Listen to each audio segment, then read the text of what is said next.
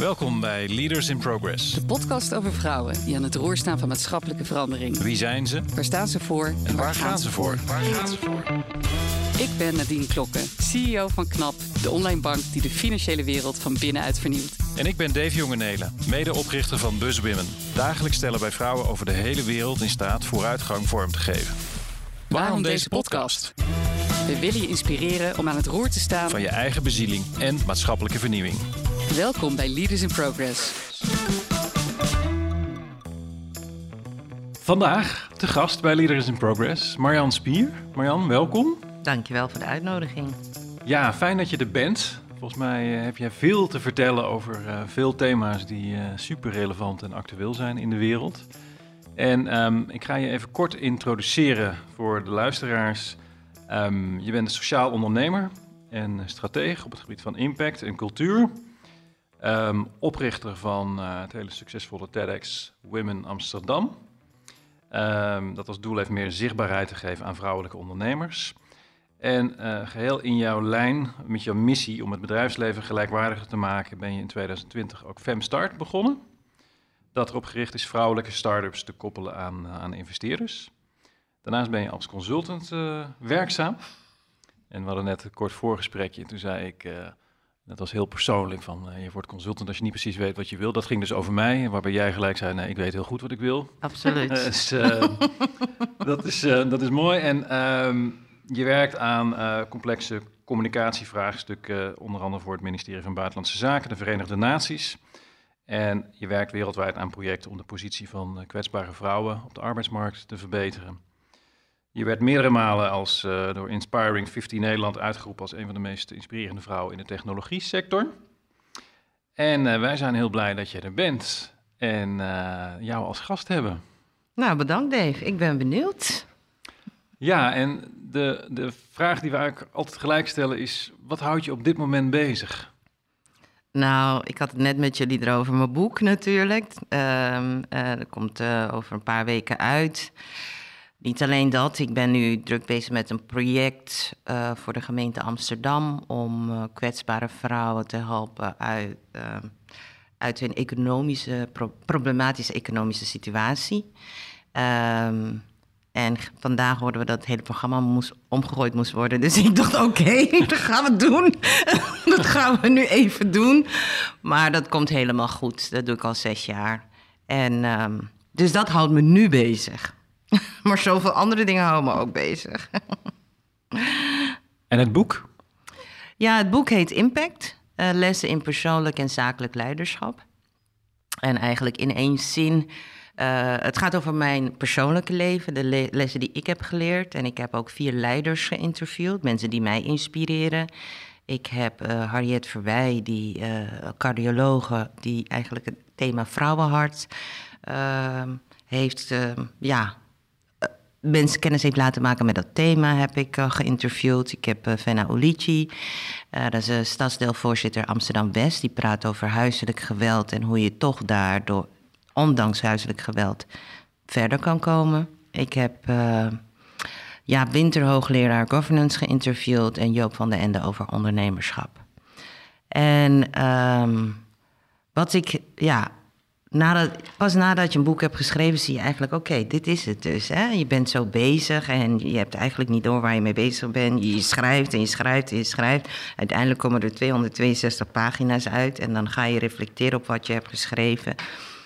En toen zin, de persoonlijke keuzes die je maakt, bepalen wat voor soort leider je wordt. En als ik ook kijk naar al die mensen die echt persoonlijke keuzes hebben moeten maken, en ik heb ook persoonlijke keuzes moeten maken, heb ervoor gezorgd dat je een bepaald soort leider wordt. Een leider die ervoor zorgt dat je impact kan creëren op de maatschappij. En dat geldt voor al die vier leiders die ik heb geïnterviewd. En ik denk dat ik dat ook. Uh, not to brag, maar uh, redelijk wat impact heb kunnen creëren op de Nederlandse maatschappij.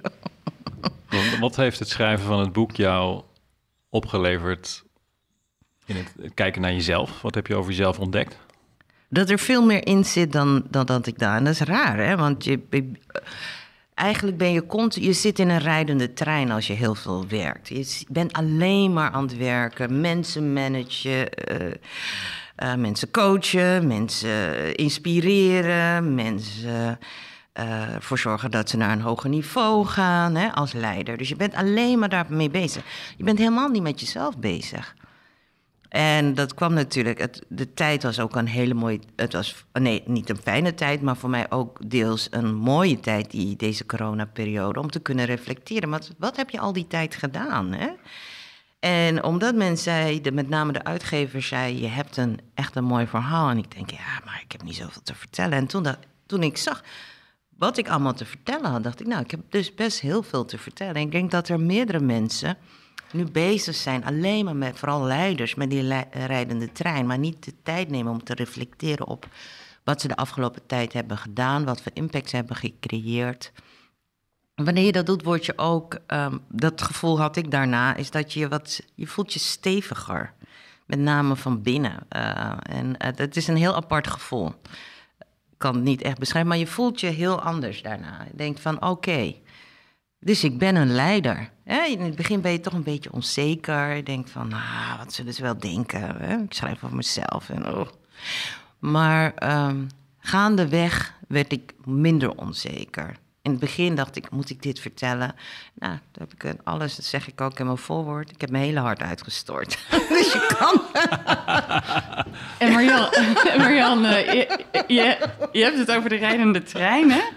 En dat eigenlijk dan corona en het schrijven van het boek voor jou ook echt een hele welkome reflectie was. Om eigenlijk gewoon, het is ook wel mooi, om gewoon uh, bewust te zien wat je uh, hebt gedaan en wat je doet. En misschien wat lager dieper verwacht ik, waarom je dat doet, wat, wat bij stilgestaan. Hoe komt het, als je terugkijkt, dat je dat eigenlijk dan in, terwijl je op die rijdende trein zit, dat je daar niet dan lukt om af en toe op het perron uit te stappen en in de in de bloemetjes te gaan liggen. Ja, dat is heel apart, hè? want eigenlijk heb ik dus iedere zaterdag van mij zo'n moment dat ik echt de tijd neem om te reflecteren, rustig, uh, geen afspraken, echt helemaal alleen tijd voor mezelf. En ik weet nog dat ik een aantal jonge vrouwen aan het trainen was en die zeiden, hé, ik heb voor het eerst weer tijd om over mezelf na te denken. Ik denk, oh, dat doe ik iedere week, dat ik, of bijna iedere dag denk ik nou, voor wat heb ik nou gedaan? Maar dan doe je het eigenlijk over de week. Hè? Dus dan reflecteer je van wat heb ik afgelopen week gedaan. En nu had ik de tijd om over 30 jaar na te denken van wat heb ik de afgelopen 30 jaar gedaan. En dan zie je dat je toch best veel hebt gedaan. Um, en dat wist ik. De, ja, het zat erin, maar dat wist ik dus niet. En ik denk, als je dat van jezelf weet, vooral leiders, hè, um, al die leiders die ik heb gesproken, uh, bijvoorbeeld Joop van de Ende zegt... Uh, mijn onzekerheid heeft mij geholpen om zo succesvol te worden. Of Jaap uh, Winter, de hoogleraar, die, die vertelt... Uh, je kan al die boeken lezen, maar het gaat toch over de persoonlijke keuzes die je maakt. Of, of, of Harriet, die tijdens haar studie het best moeilijk had... en toch um, een succesvol cardioloog is geworden. Je merkt toch dat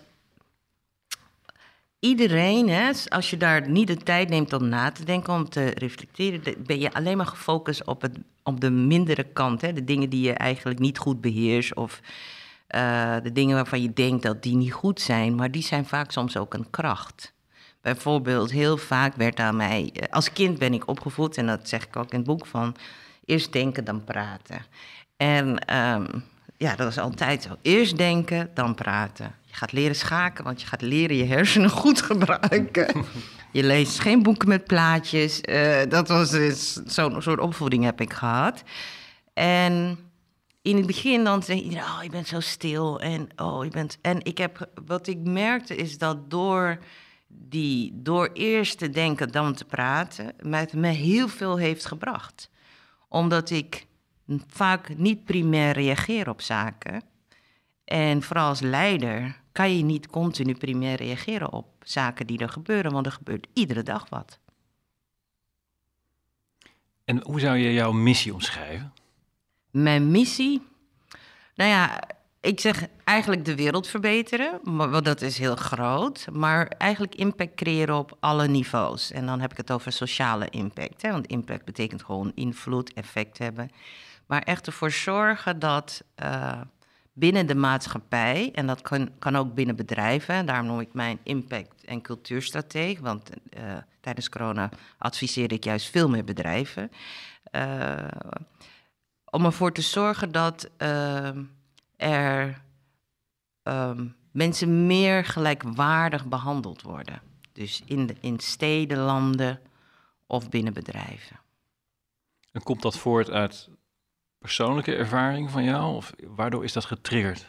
Nou, het komt door TED, hè, door de TED-conferenties. Uh, ik ging naar Oxford en daar hoorde ik zoveel inspirerende sprekers in de afgelopen tien jaar die TEDx-events organiseren. En ik dacht, het zijn ook allemaal eenvoudige mensen die geweldige dingen doen. Dus als zij dat kunnen, dan kan ik het ook.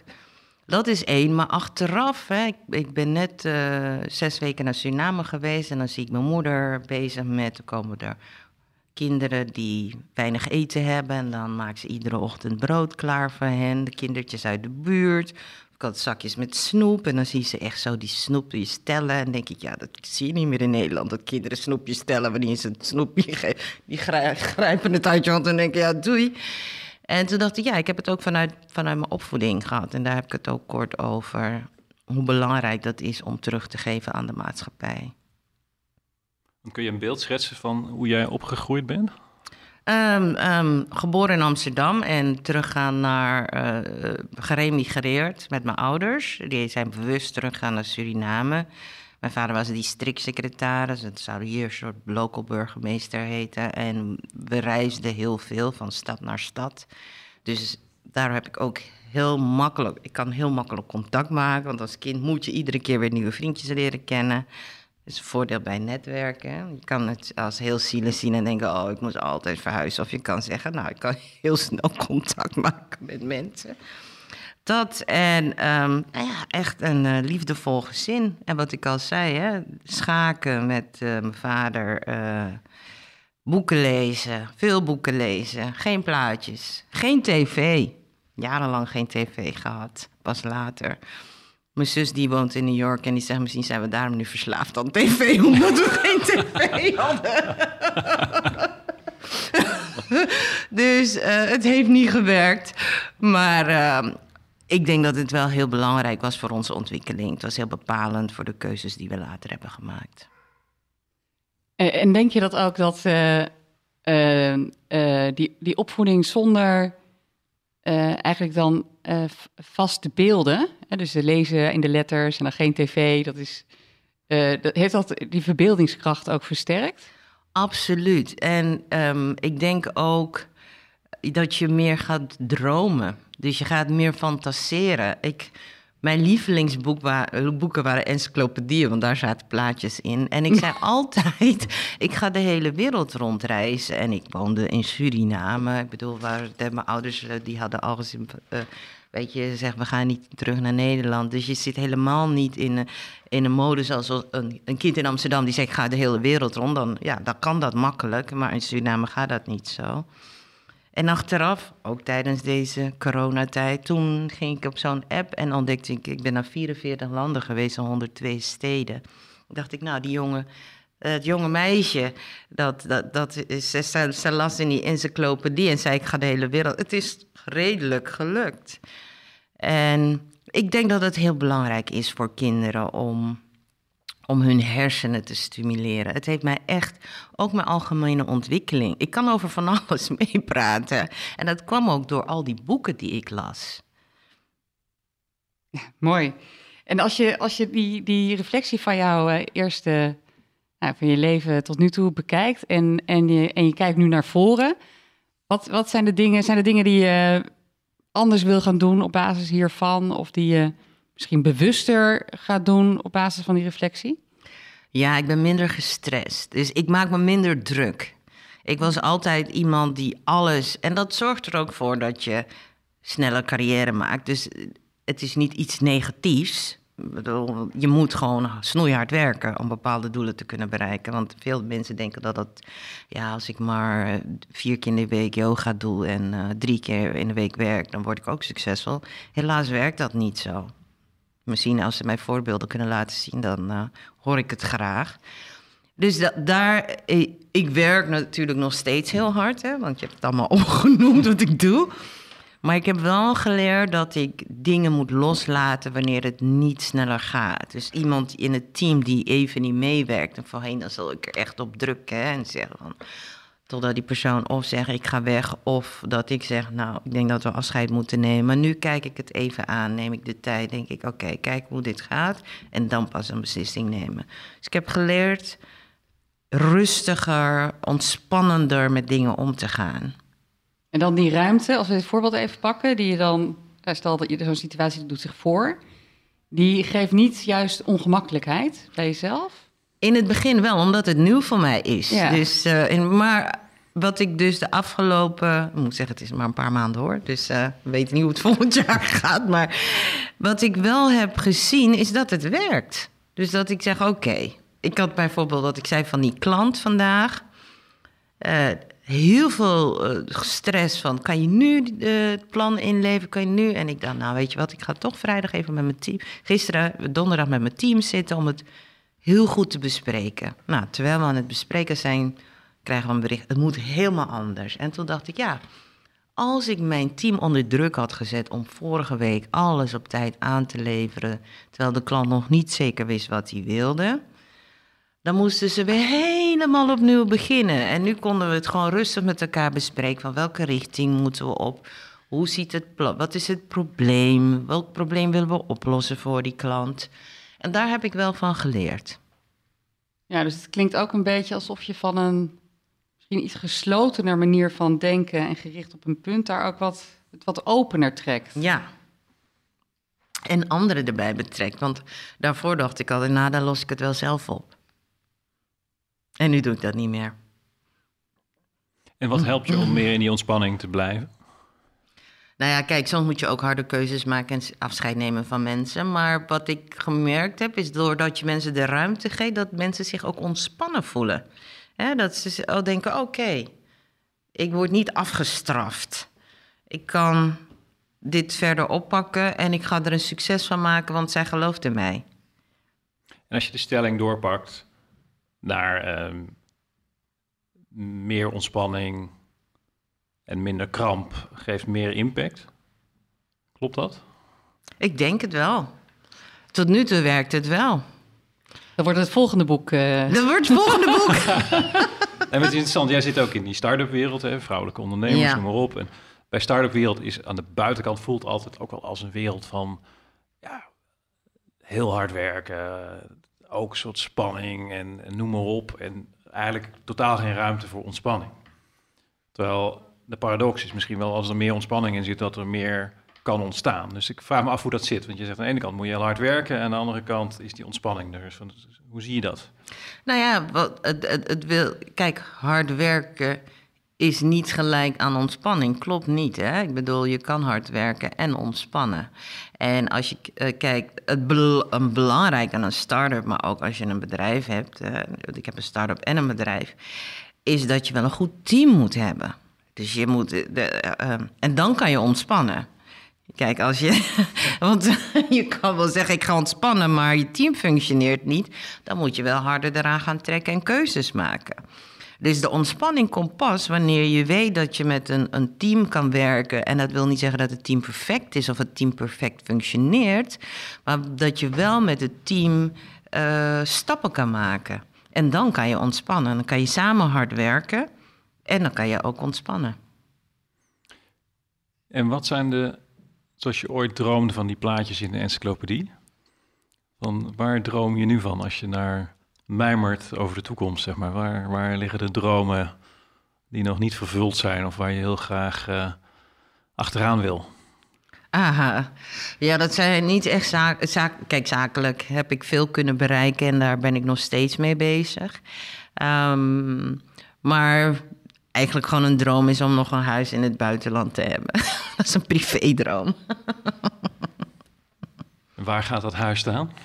In Suriname. Ik heb het stuk land al gekocht, maar ja, dat gaat heel anders dan in Nederland. Dus ja, ik weet niet hoe lang het gaat duren. Maar ja. Het, wat, wat brengt je dan weer in Suriname, zeg maar? Wat... Nou, dat is ook het, het eh, deel van impact. Om, uh, ik heb daar, toen ik daar zat, werd mij gevraagd. Ik had echt mezelf voorgenomen om alleen uit te rusten en niets te doen. En toen vroeg iemand van, zou je toch een training willen geven aan vrouwelijke ondernemers? En uh, dat waren dus, ik dacht, nou, daar komt niemand op af. We hadden een week van tevoren en vijf, het was meteen volgeboekt. En toen dacht ik, hier is toch een behoefte. En de vragen die gesteld werden, waren toch best wel basic vragen. En toen dacht ik, nou, hier kan ik dus nog behoorlijk wat impact creëren door vrouwen te trainen. En dat zijn niet de skills van, iedereen werkt daar snoeihard. Dus dat is, uh, uh, er is internet, hè, er is een internetverbinding. Dus het is, gaat niet over digitalisering of of, of, of, fundraising, maar het gaat echt van hoe zorg ik ervoor dat ik een goed team samenstel, hoe zorg ik ervoor dat ik gesprekken aanga met partners, hoe zorg ik ervoor dat ik mijn producten exporteer. Dus ik dacht, nou, daar is nog veel te doen. Dus het wordt eh, een soort trainingshuis ook. Ja, misschien. Dat is een mooi uh, idee. en als je uh, uh, nu kijkt, je hebt je boek geschreven. Uh, vind, je dat, vind dat spannend? Ik vind het heel erg spannend. Ik, ik, in het ja, ik vond, terwijl je bezig bent, gelukkig toen vond ik het niet zo spannend. Anders durf je niet echt te schrijven wat je vindt en voelt. Maar nu het bijna uitkomt, dan denk ik, ach, hoe gaat men het vinden? Dus wat ik heb gedaan, ik dacht, nou, ik stuur toch de setproef naar iemand die heel erg kritisch is.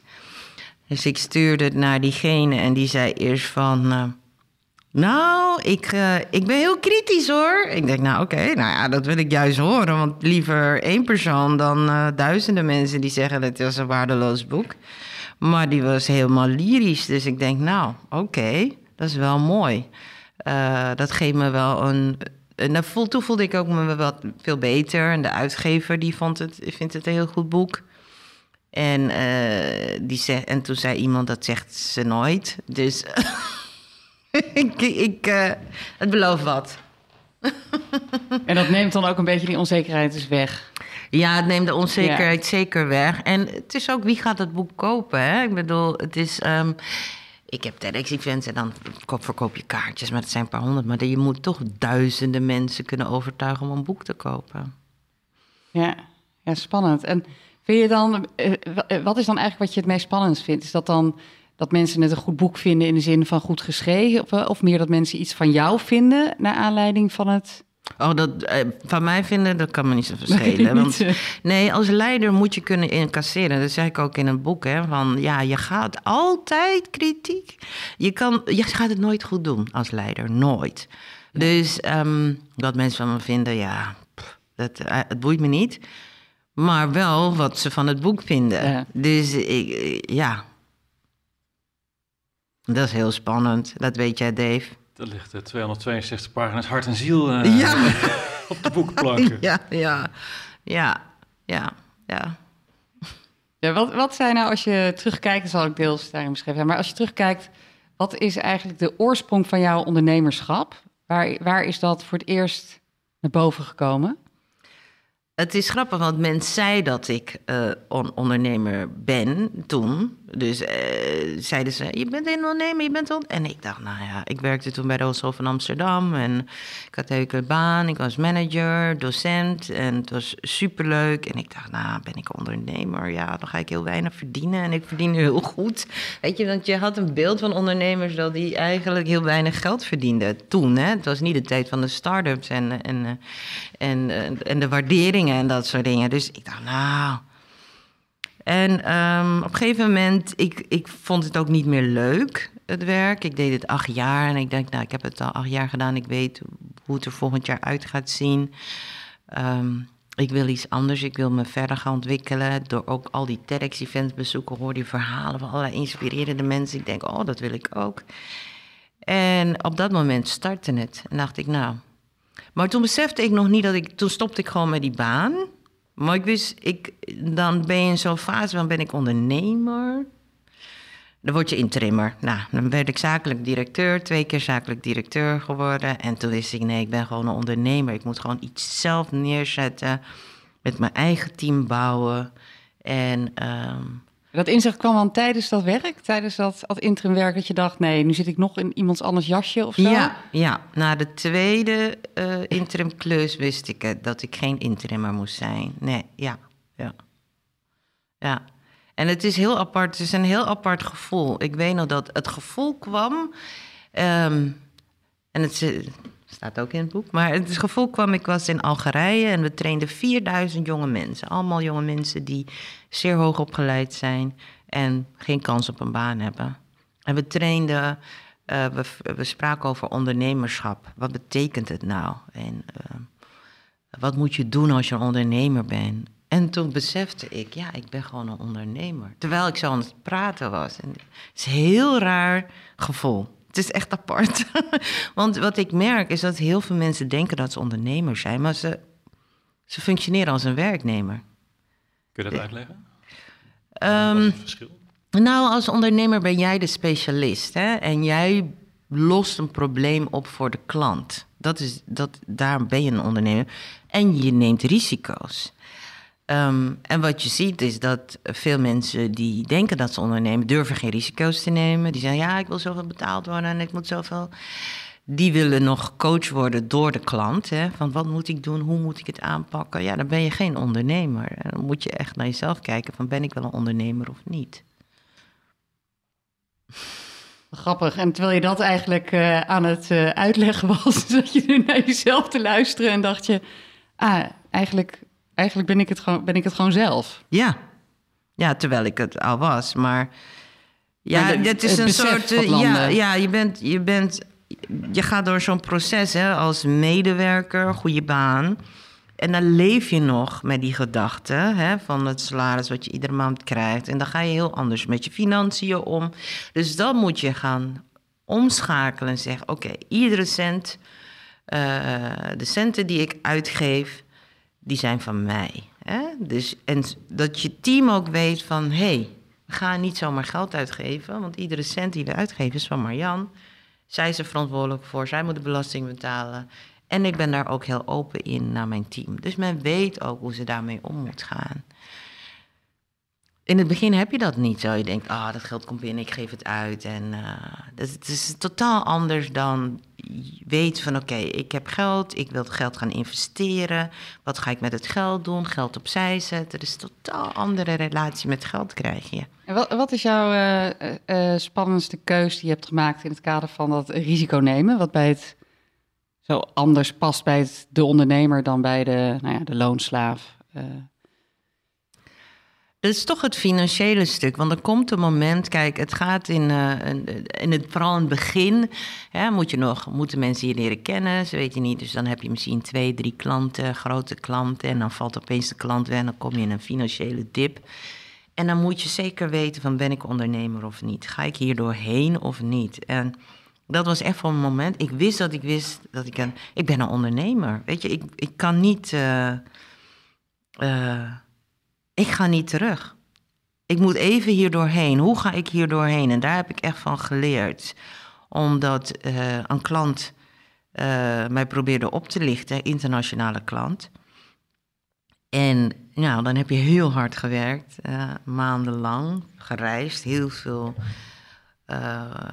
vooruit betaald. En dan krijg je geld op dat moment niet. En dat je denkt, oh, hoe ga ik dit oplossen? Hè? Hoe ga ik hier doorheen? En achteraf, ik weet zelf niet hoe ik er doorheen. Ik weet nog dat mijn boekhouder zei.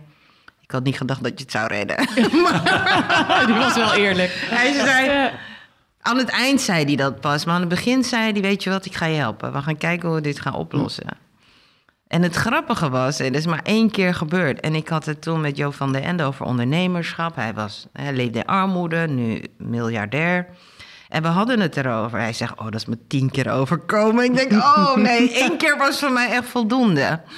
Dus ja, dat, ja dat, dan weet je gewoon... Op dat moment weet je of je ondernemer bent of niet. Van... Ja, want je zegt ook, uh, heel expliciet... teruggaan was geen optie. Nee, ik wist gewoon, nee, ik kan niet meer. Uh, en wat, wat, wat was dan wat het echt geen optie meer maakte? Ja, wat was het? Het is een heel. Eén, eh, ik, ik wist gewoon dat ik kan ondernemen, maar ook ik wilde niet meer in zo'n zo'n uh, machine geleefd. Ik, wilde dat niet meer, weet je gewoon. Nu is dat anders, hè, maar toen was het echt de 9 to 5, ja, 9 tot 5 in het systeem. Al die vergaderingen. Ik heb nog steeds heel veel vergaderingen, maar het is toch anders. Uh, je kan je weer loskoppelen van, van alle structuren en systemen van organisaties. Dave die kijkt en schudt zijn hoofd. nou, wat ik erin hoor is van... Ja, dat je toch dat letterlijke eigen baas zijn. Dat je dus vrijheid voelt van... Ben ik bij die vergadering? Ik, ik vul het in, hè. Van, maar ik voel bij jou iets van... Ik wil niet meer geleid worden door anderen, maar ik wil zelf richting geven. Zeker, zeker. En dat daar geen weg terug in is als je eenmaal ondernemer bent. Nee, zeker niet. En um, Kijk, dan heb ik ook geluk gehad. Hè? Dus toen echt ik door zo'n diep dal ging en, ik, en met die boekhouders zat, ik weet nog zeker hoe dat was. We waren in Baren en keken naar de cijfers en denken, nou, gaat, gaat niet redden.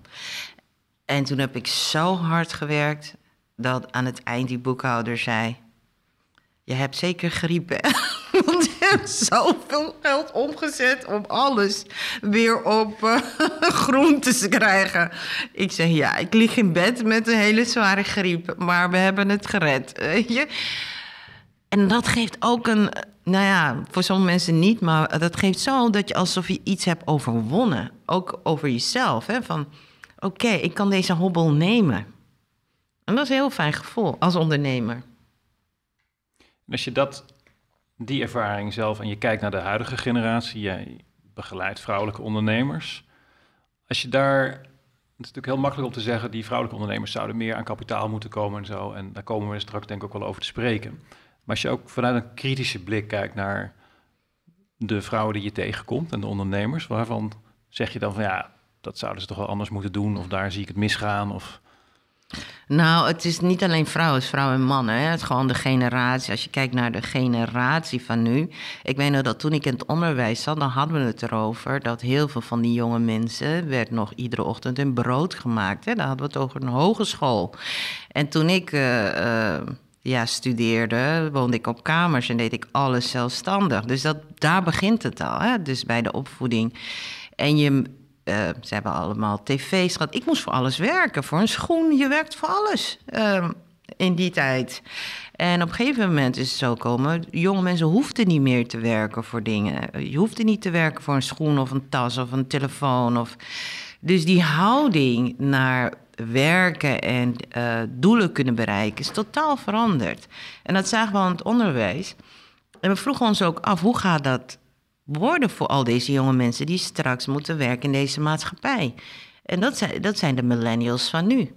Die dus um, niet die, die echt die, die dat, je ziet het nu weer met Gen Z, die het heel moeilijk hebben met een kamer vinden. Dat was eigenlijk ook mijn tijd. Hè. Een kamer was te duur. En, weet je, dat, je ziet dat de Gen Z, ik werk heel veel met Gen Z samen, omdat die toch weer een ander soort houding hebben van ja, het gaat niet zo makkelijk. Hè? Ik, uh, ik moet gewoon hard werken. Mijn ouders hebben het ook best moeilijk. Het gaat niet meer.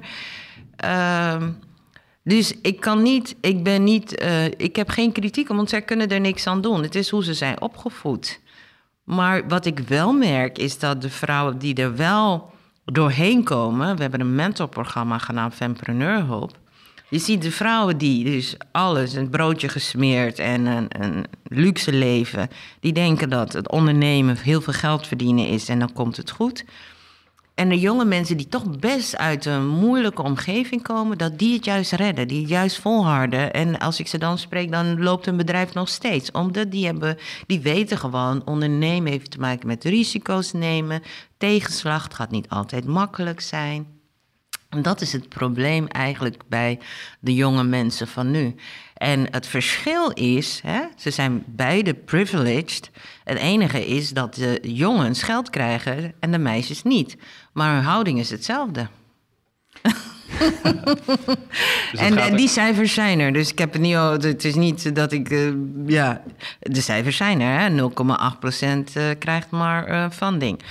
Maar de houding is hetzelfde. Want als je kijkt naar de, de, van, de, de start-ups die het redden, zijn er ook niet zoveel. Dus ja. ja. En wat is de drijfveer en de ambitie van Femstart? Nou, onze missie is natuurlijk een internationale missie. Het is niet alleen een missie voor Nederland, maar het is echt die kloof op het gebied van funding te dichten. En dat is door middel van, we hebben nu een online learning programma opgezet en, uh, met video's, waarbij we eigenlijk vrouwen leren hoe, wat het betekent om uh, funding op te halen voor een bedrijf. En dat kan door middel van subsidie, dat kan door middel van een lening, dat kan door middel van een VC of een angel investering. Dus die toegang tot geld groter maken. En dan zit er een kant aan hoe vrouwen dat beter kunnen doen. Maar er zit ook een, laten we zeggen, een, de, de geld uh, investerende kant aan. Dus de, de banken, de investeerders, bereik je die ook? Ben je daar ook mee bezig? Nou nee, we hebben het, uh, we hadden het over Ellen Tacoma. We hebben samen, we hebben weer naar het plan gekeken en de strategie aangepast. En ik heb twee co-founders, Sandra en Ellen. En op een gegeven moment kreeg ik een idee. Ik zei, we moeten het helemaal omgooien. We moeten gewoon een online learning programma opzetten. En ons niet focussen op een systeem wat honderden jaren gaat kosten om te veranderen. Maar te zorgen dat die vrouwen kunnen navigeren door dat systeem. En dat ze zij zelf het systeem gaan omverwerpen. En uh, wat ik merkte door het mentorprogramma van ons, is dat ik heb heel veel jonge vrouwen weer gevraagd. En wat oudere vrouwen, niet alleen maar jonge vrouwen, maar vrouwelijke ondernemers. Wat heb je ervaren na zo'n mentorship? Hè? Je hebt geld opgehaald of uh, je bedrijf gaat wat beter. En toen zeiden ze, ik voel me zelfverzekerder. Ik zei, nee, je hebt gewoon veel meer kennis van zaken.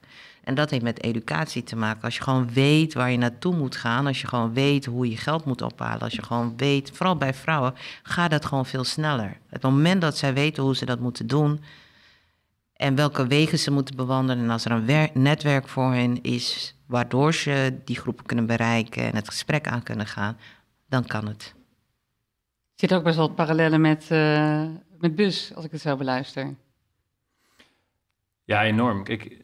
Ik, bij ons is de, eigenlijk is bus begonnen met, eigenlijk vanuit uh, armoede. En dat wij erachter kwamen van, ja, als jij in armoede zit en zoveel onzekerheid hebt, dan heb je ook niet meer, meer zeg maar, denkkracht over om logische keuzes te maken. Dus de vrouwen die wij tegenkwamen zeiden, we hebben cash nodig. En tegelijkertijd merken wij van, als ze eenmaal die stap maken en beter met het geld omgaan, dan komt wel een moeilijkere stap van, ja, als jij in een dorp woont in Suriname of in India of in Gambia, van hoe ga je dan je, je onderneming vergroten? En dat is waar we nu mee bezig zijn. Dus daarom is het ook heel interessant te horen hoe dat bij jou werkt. Van, Mhm. Hoe kun je ze daarbij helpen? En geld is daar één onderdeel van. Er zitten natuurlijk meerdere kanten aan van het ondernemerschap.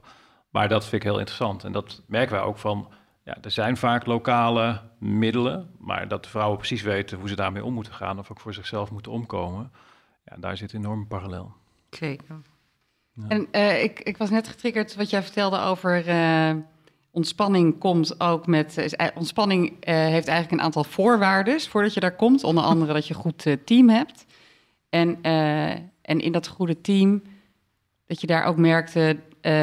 volgens mij, ze gelooft in me, dat dat mensen dan vleugels kan geven. Als je op die als je dat erin, uh, erin weet te brengen. En ik zat me af te vragen, terwijl ik naar je zat te luisteren over uh, uh, Fem, moet ik even goed zeggen. Start. precies. Fem Start, precies. Of naast, zeg maar, die learning, of dat ook niet bij deze vrouwen meespeelde, dat ze eigenlijk het gevoel hadden, oh, somebody's got my back. Hè? Dus ik heb iemand die mij support of die er is. Ik denk dat je het over Fempreneur Hulp hebt, dat uh, mentorprogramma wat we hebben. Ja, exact. Ja, ja, ja, ik zat ja. zoeken. Nee, nee, nou, maakt niet uit. Ja.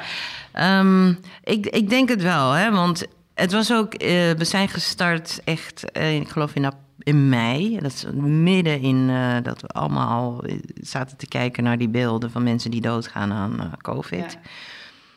En ook uh, heel veel vrouwen met een bedrijf. En als ondernemer ben je gewoon alleen. Hè? Je, je, je, bent, je bent alleen verantwoordelijk voor de cent. Je bent alleen verantwoordelijk voor je team. Hè? Er waren mensen die tien mensen moesten ontslaan. En, en op het moment dat er het, de meeste gesprekken begonnen eerst met tranen, omdat ze dan ontspanden en eigenlijk hun verhaal durfden te vertellen. Van het gaat gewoon niet goed. En dat was Dat heb ik geleerd die dag toen ik bij die boekhouder zat en zei: Het gaat gewoon niet goed. Op het moment dat je dat doet, dan komt die ontspanning en dan kan je, heb je weer ruimte om door te gaan. In je hoofd, ruimte in je hoofd om door te gaan. En dan moet je dan allerlei stappen gaan ondernemen. Maar als je nog vastzit in die schaamte en, ehm, En die spanning, hè? en die Ja. spanning, dan, dan, dan lukt het niet. En, en op welke wijze ehm, vertaal je dat dan door nu in, je, in de initiatieven, bijvoorbeeld met dat eh, learning platform? Zit daarnaast dan ook het, nog een soort ment mentoring eh, programma wat je aanbiedt? Nee, dus dan kunnen ze daarna deelnemen aan het mentoringprogramma. Oh, dat is dat is gewoon vrijblijvend, dat Ja, als zij dat willen, ja. Ja. Ja. Mooi is dat. Zijn er ook, ehm, ehm, als je dan zo terugkijkt, zijn er ehm, ondernemers geweest die, waarvan je dacht, oh, die, die doen dat op zo'n andere manier? Hè? Want je, geeft een aantal ingrediënten weer, volgens mij, zoals eh, ook een stuk doorzettingsvermogen, heel hard werken, uit eh, dieptepunten herstellen, een beetje als, als eh, cornerstones. Zijn er ook nog inzichten naar boven gekomen die je helemaal niet bij jezelf herkende. Bijvoorbeeld in de gesprekken of in bredere zin met deze dames. Maar die ook heel bepalend zijn in ondernemerschap of in leadership. Ik moet zeggen, ik heb heel veel gezien, dus ik moet even graven. Ehm, Wat misschien voor jou een soort openbaring was. Je dacht, oh, dat heb ik me nooit, dat heb ik nooit zo bedacht of gezien of ervaren. nou ja, dat van die teams, door, door, door al die vrouwen te spreken, toen besefte ik hoe belangrijk het is om een echt een goed team te hebben. Want daar. Ja, daar. Oh, ik, ik, ik ging er gewoon. Ik was gewoon blij met mijn team. En ik. Ja, je bent gewoon. Je take it for granted. Maar dan besef je hoe belangrijk het een team is. Je een team hebt die er gewoon. Tijdens COVID zegt: we blijven geloven, we gaan ermee door. We geven desnoods, we, we, we leggen bij, maar we gaan ervoor. Dat is zo belangrijk, want ik merkte dat allemaal hun team kwijtraakten. En, eh, en dat is best heftig. En het is ook logisch, want mensen hebben geld nodig. Hè? En ze moeten willen geloven in je droom. Dus voor mij was het echt een eye-opener dat mensen moeten geloven in die droom die jij hebt. Voor jouw bedrijf of organisatie. En dat ervoer je ook bij je eigen team. Ja, ja, ja, ja, want ik dacht, nou, iedereen gaat weg, weet je. Ja. Ja, het is toch spannend, hè? Als je dan denkt, eh, dat gaat nou allemaal niet zo snel. We hadden ons voorgenomen binnen een jaar zoveel geld op te halen en het zo te doen. En dan is het corona, kan je niemand bereiken, weet je. Dan, ja, dan, dan, moet je, dan moeten mensen echt in je geloven en zeggen, dit gaat wat worden. En zeggen, ga, ik ga hiermee door. En waarom geloven ze in jou? Omdat ik ook mensen een platform bied. Ik, eh, eh, mijn team. Dus ik ben altijd. Ik, eh, ik verschijn natuurlijk heel veel in de media, maar ik zal altijd voor zorgen dat ik benoem dat ik dit niet alleen doe. Dat ik het samen met een team doe. Of ik open deuren voor. Of ik, ik kijk naar hun behoeften. Van wat vinden zij belangrijk? Hè? Sommige mensen vinden gewoon een gesprek belangrijk. Sommigen vinden een kopje koffie belangrijk. Sommigen vinden het belangrijk dat ze ook in de pers verschijnen. Dus ik luister heel goed naar mijn team, wat zij belangrijk vinden. En ik probeer ze op die manier te faciliteren. Ik heb het ook moeten leren hoor, want ik was niet zo leider. Maar het is wel nu helemaal in je embedded. Absoluut. Door heel veel feedback, hè. Dus eh, Goeie De spiegels. heel veel spiegels, hè, van... Ja, men, ik was heel erg... Nog steeds ben ik zo, heel resultaatgericht, hè, van... Resultaat. We moeten kijken naar het einddoel. Ehm, al vallen er mensen om me heen om, ja, oké, nou, wil je mee? Nee, wil je niet mee? Nou, oké, doei. Weet je, ik was echt zo'n leider. En ik merkte gewoon dat dat... één, je wordt er wel succesvol door, maar... ehm, het, voor de mensen die achterblijven is dat best pijnlijk. En dat wil niet zeggen dat die mensen met je mee moeten. Maar je kan er ook voor zorgen om te kijken van... oké, wat zijn de behoeften van die mensen... zodat ze toch beter gaan functioneren. En eh, de afgelopen tien jaar door veer, mensen van, eh, team, een team van 40 mensen te hebben... De afgelopen tien jaar... dan maak je zoveel van verschillende types mee... dat je dus en al die feedback die je steeds krijgt, dat je denkt: oké, ik ga nu even kijken, wat, is waar, wat heb jij nodig? om beter te kunnen functioneren. En soms eh, is het eh, ja, een platform en is het niet eens geld. Weet je, of soms is het een, een kop koffie of soms is het even luisteren. En dat hoeft niet uren te duren.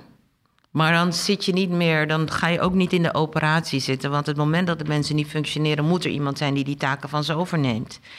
Dus daardoor kunnen ze beter functioneren. En kan ik beter functioneren om het alleen te hebben over visie en welke kant we op gaan. En dat zij dan het werk doen. Heb je Maar- dan voor je gevoel eerst je lat moeten laten varen, zeg maar? Want het klinkt alsof je ook een behoorlijke lat had. Hè? Dus je verwacht een bepaalde prestatie, een performance van je mensen. Heb je die Nee, lat juist laten niet. zakken of nee, heb je die helemaal wel niet. op niveau gehouden? Nou, ja, want we gaan. De vraag is: wat heb je nodig? En dat wil Ja. niet zeggen dat ik geen afscheid van mensen neem, maar minder afscheid van mensen. Dat je dus eerst Ja. achterhaalt waarom, hè? Ja. Wat vind je het allermoeilijkste? Marjan? Eh, afscheid nemen of eh, Nee, gewoon in het investeren? algemeen, als je kijkt naar wanneer raak jij uit je evenwicht? Want je, het klinkt ook van hard gewerkt, succes, je hebt een mooi platform, noem maar op. Een heel mooi verhaal. En dat, bij mij komt ook een beetje de vraag op van, ja, oké, waar zit de kwetsbare kant van Marjan? Of wanneer Oh, weet daar heb ik zoveel over verteld. Maar misschien komt het niet zo over. Maar ehm, ja, je bent toch altijd. Je hebt altijd. Ik heb altijd een gezonde spanning voor alles. Al het nieuwe. Zelfs met dit boek. Dat ik denk: oh my god, ik hoop dat het goed komt. En een gezonde spanning. Maar mijn kwetsbare deel bespreek ik met mijn vrienden. En dan zeg ik: ja, hoe gaan we dit? Want ik zit hier echt mee. Hoe moet ik dit oppassen? Dat zeg ik ook in het boek. Eh, de- Een hoofdstuk heet Durf, durf te vragen. Ik vraag continu om hulp. En dat scheelt. Dat als je continu om hulp, dan heb je minder en, eh, ben je minder onzeker. Ja. Want er is altijd iemand die je bijstaat. Eh, wat ik zei over het Fempreneur, op dat mentorprogramma. Die vrouw zei, ik voel me zekerder nadat ik na mijn mentorship... Ja, dat komt omdat iemand je heeft verteld welke kant je op moet gaan. Dus als je door steeds mensen om hulp te vragen... ja, dan word je minder onzeker. Maar dat zorgt er ook voor dat je kwetsbaar moet opstellen. Dat is misschien een gekke vraag, maar het roept mij ook de vraag op van... Wat kunnen wij leren van, van de Surinaamse samenleving of levenshouding? Want ik merk in, in Nederland wordt vaak gekeken naar Suriname. Oh, er zijn allerlei dingen nodig en er is hulp nodig en zo. Maar ik merk dus vaak veel meer te leren ook van andere culturen en, en de kracht die daarin zit. Dus ik, ik vraag me dat af van wat, wat jij meeneemt wat uit dat Surinaamse, uit jouw, jouw roots komt. Nou, in Suriname lossen we alles op met eten. dus in het. En, dat, en ik, heb er, ik praat erover in mijn boek. Mijn eerste grote klus heb ik echt doordat ik een aantal topmanagers van een, van, eh, van een telecommaatschappij meenam naar een, een Surinaams restaurant. En daarna maakte ik echt een sprong in mijn carrière. Dus, en dat heb ik ook altijd gedaan met mijn teams. Eh, toen ik bij de Hogeschool van Amsterdam altijd samen eten en samen en dat mensen ontspannen. En ja, dan eh, krijg je meer een samenhorigheidsgevoel. Dus heel veel eten, eh, samen drinken. En ehm, mijn klanten zeggen het ook altijd. Als Marjan iets doet, dan is er altijd lekker eten. Of ik kom zeker. Weet je, nu met die boekpresentatie belde een klant zelf op van... Ik heb geen uitnodiging ontvangen. Ik denk, oh, oké, er wordt over gepraat. Dus ehm, wat kunnen we leren? Want eh, eten verbindt. Hè? Dus eh, lekker eten met name verbindt. En ehm, toen ik acht jaar manager was, was dat het moment om met elkaar in gesprek te gaan over gezin, familie. Eh, en zo hoor je ook wat er omgaat in je team. Dus gisteren zat ik ook met een, een teamlid, eh, twee zelfs, eh, met mijn co-founder. Ik zeg, nou laten we even lekker gaan lunchen. En dan praat je over van alles, de vakantie, de kinderen, babytje gehad. En, en dan ga je over werk praten. Ja. Weet je? Ja. Dus eten. met elkaar eten. Mooi. ja. Ik heb een eh, andere vraag voor je. Ja. Een vaste vraag die we stellen. Oké. En dat is, eh, als jij jezelf een compliment zou mogen geven... Hmm. eh, welk compliment zou je dan geven? Ik ben trots op je. Nou, wat, een, wat een mooie. Kun je hem een beetje duiden? Ja, ehm, dat zeg ik ook in het boek. Ga ik weer over dat boek, maar ik ben. ehm, ik kwam in 91 naar Nederland en Suriname eh, was. eh, je had de decembermoorden. Er was. ehm, het was een behoorlijke. eh, ja, slechte economische situatie. Mijn ouders konden geen geld wisselen, want het was echt. De, de Surinaamse was heel erg gedevalueerd. En ik kwam met 100 gulden naar Nederland om te studeren. Ik had wel de Nederlandse nationaliteit, dus kon wel de eh, studiefinanciering eh, de maand daarna krijgen. Mijn oma die ving mij op. En ik had geen plan, geen idee waar ik, wat ik zou doen. Ik kwam naar Nederland om te studeren, hè, want je kwam, eh, je, je ouders sturen je. En ja, als ik naar mezelf, als ik dan de afgelopen 30 jaar weer kijk, hè, dat is precies 30 jaar, 1991. Nou, dan ben ik trots op mezelf, want ik, had, ik heb veel meer bereikt dan ik dacht te bereiken. Ik word manager ergens binnen een organisatie. Nou, dat heb ik al jaren geleden gedaan. Dus eh, ja. Ja, vanaf eh, dat meisje wat dan toch wel een hele andere cultuur weer binnenstapt. In je eentje ook? Kwam je In in, mijn- je eentje? Ja, in mijn eentje. Ja. En, en, en, en hoe was dat? Hoe was, hoe was de acceptatie hier? Hoe was de verbinding om hier in de samenleving te komen? Voor mij, ehm, nou, mijn oma die heeft echt meteen, en is grappig, want het was geen integratiecursus, maar ze zei meteen, nou, je hebt een goede jas nodig, je hebt goede schoenen nodig. en je moet weten, ja, en je moet weten hoe de tram eh, werkt. En eh, ga in die tram zitten en ga van begin tot eind. Ik weet nog, dat was tram 6. En dan was van de Uithof naar Leidse Hagen. En ze zegt, nou, dan moet je gewoon kijken van wat is het begin en wat is het eind.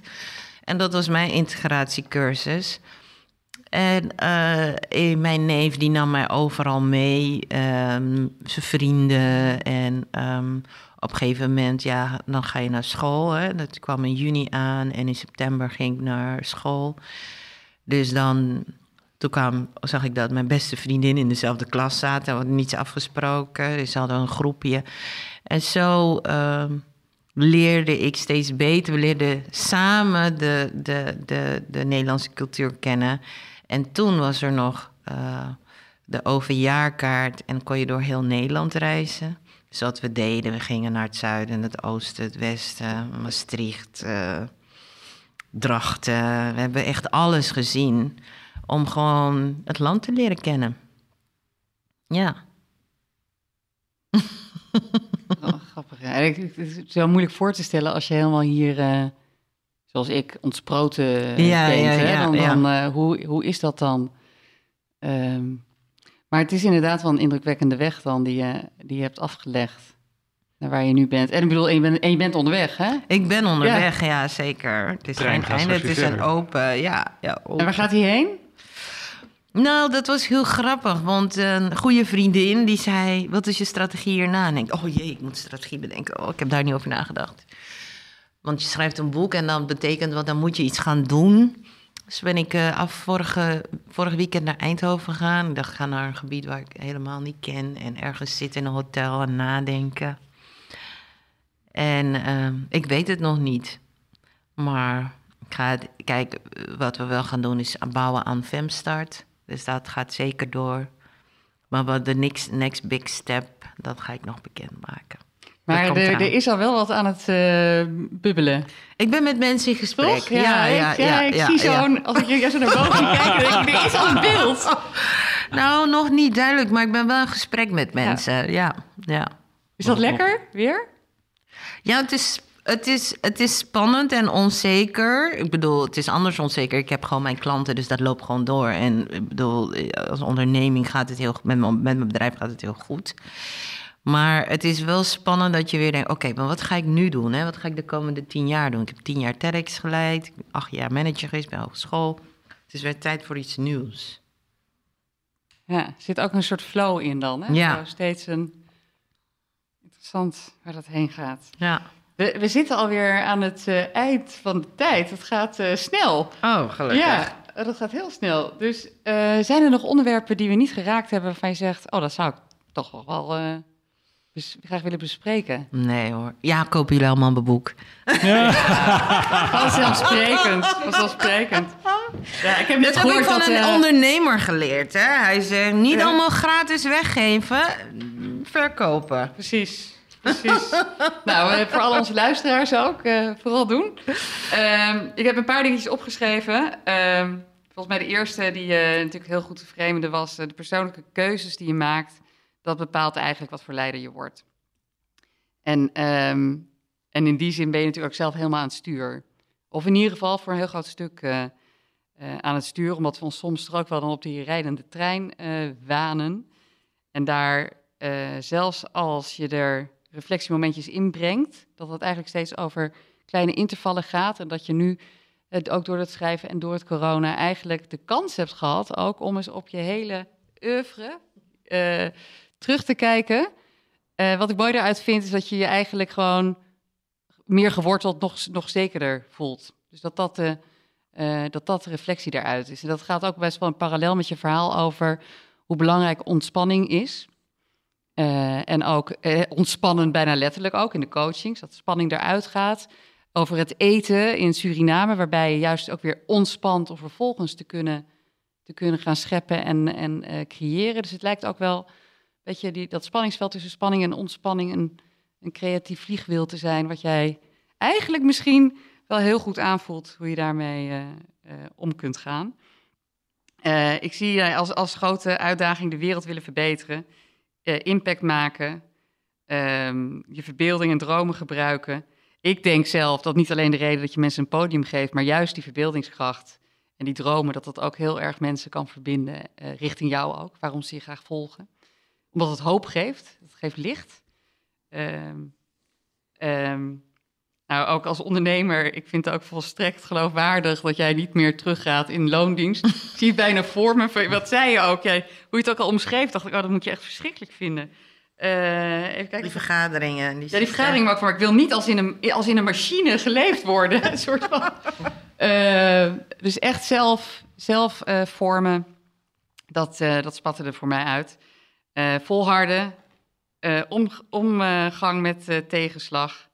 En dan gewoon vanuit verbinding en ontspanning weer eh, mooie dingen maken. Ik eh, vond het een inspirerend verhaal. Dank je wel. Ontzettend veel succes met je boek. Ja. Ik hoop dat de reacties wat positief zullen zijn, maar dat, eh, dat klonk in ieder geval goed.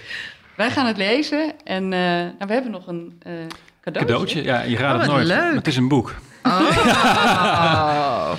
Nee, dit is een boek geschreven wat ik met mijn Afrikaanse mentor Oesman heb geschreven. En wat wij van elkaar geleerd hebben en wat de kracht ook van vriendschap is over culturen heen. En dat vind ik ook zo mooi in jouw verhaal van, ja, je verbindt ook mensen over culturen heen. En ehm, ja, die warme Surinaamse maaltijd en die ontspanning en die verbinding als, als oerkracht waaruit alles mag ontstaan, zeg maar. En wat ik heel mooi vond is het beeld van, ja, jij als meisje die in de encyclopedie keek en van de wereld droomde. Ja, prachtig. En ehm, ja, ik hoop echt, ik ga je boek zeker lezen, Marjan. en ehm, ook kijken van, kunnen we de lessen van Marjan eh, ook weer doorgeven aan al die eh, vrouwen die bijvoorbeeld in ons netwerk aangesloten zijn. Dus dat zou ik nog heel graag een keer met je verder willen bekijken van, Leuk. hoe kunnen we die stap maken, zodat het eh, ja, heel veel van die jonge meisjes die in een encyclopedie kijken of ergens anders naar kijken, kan raken en inspireren. Dus heel veel dank. Graag gedaan. Bedankt. Dankjewel voor het luisteren naar deze aflevering van Leaders in Progress. We hopen dat je ervan genoten hebt en er volgende keer weer bij bent wanneer we een nieuwe gast aan tafel hebben. Ben jij geïnspireerd en zou je ook willen werken aan vooruitgang? Dat kan. Ga nu naar www.leadersinprogress.nl en kom in actie. Of neem direct contact met ons op via de e-mail. Graag tot de volgende keer.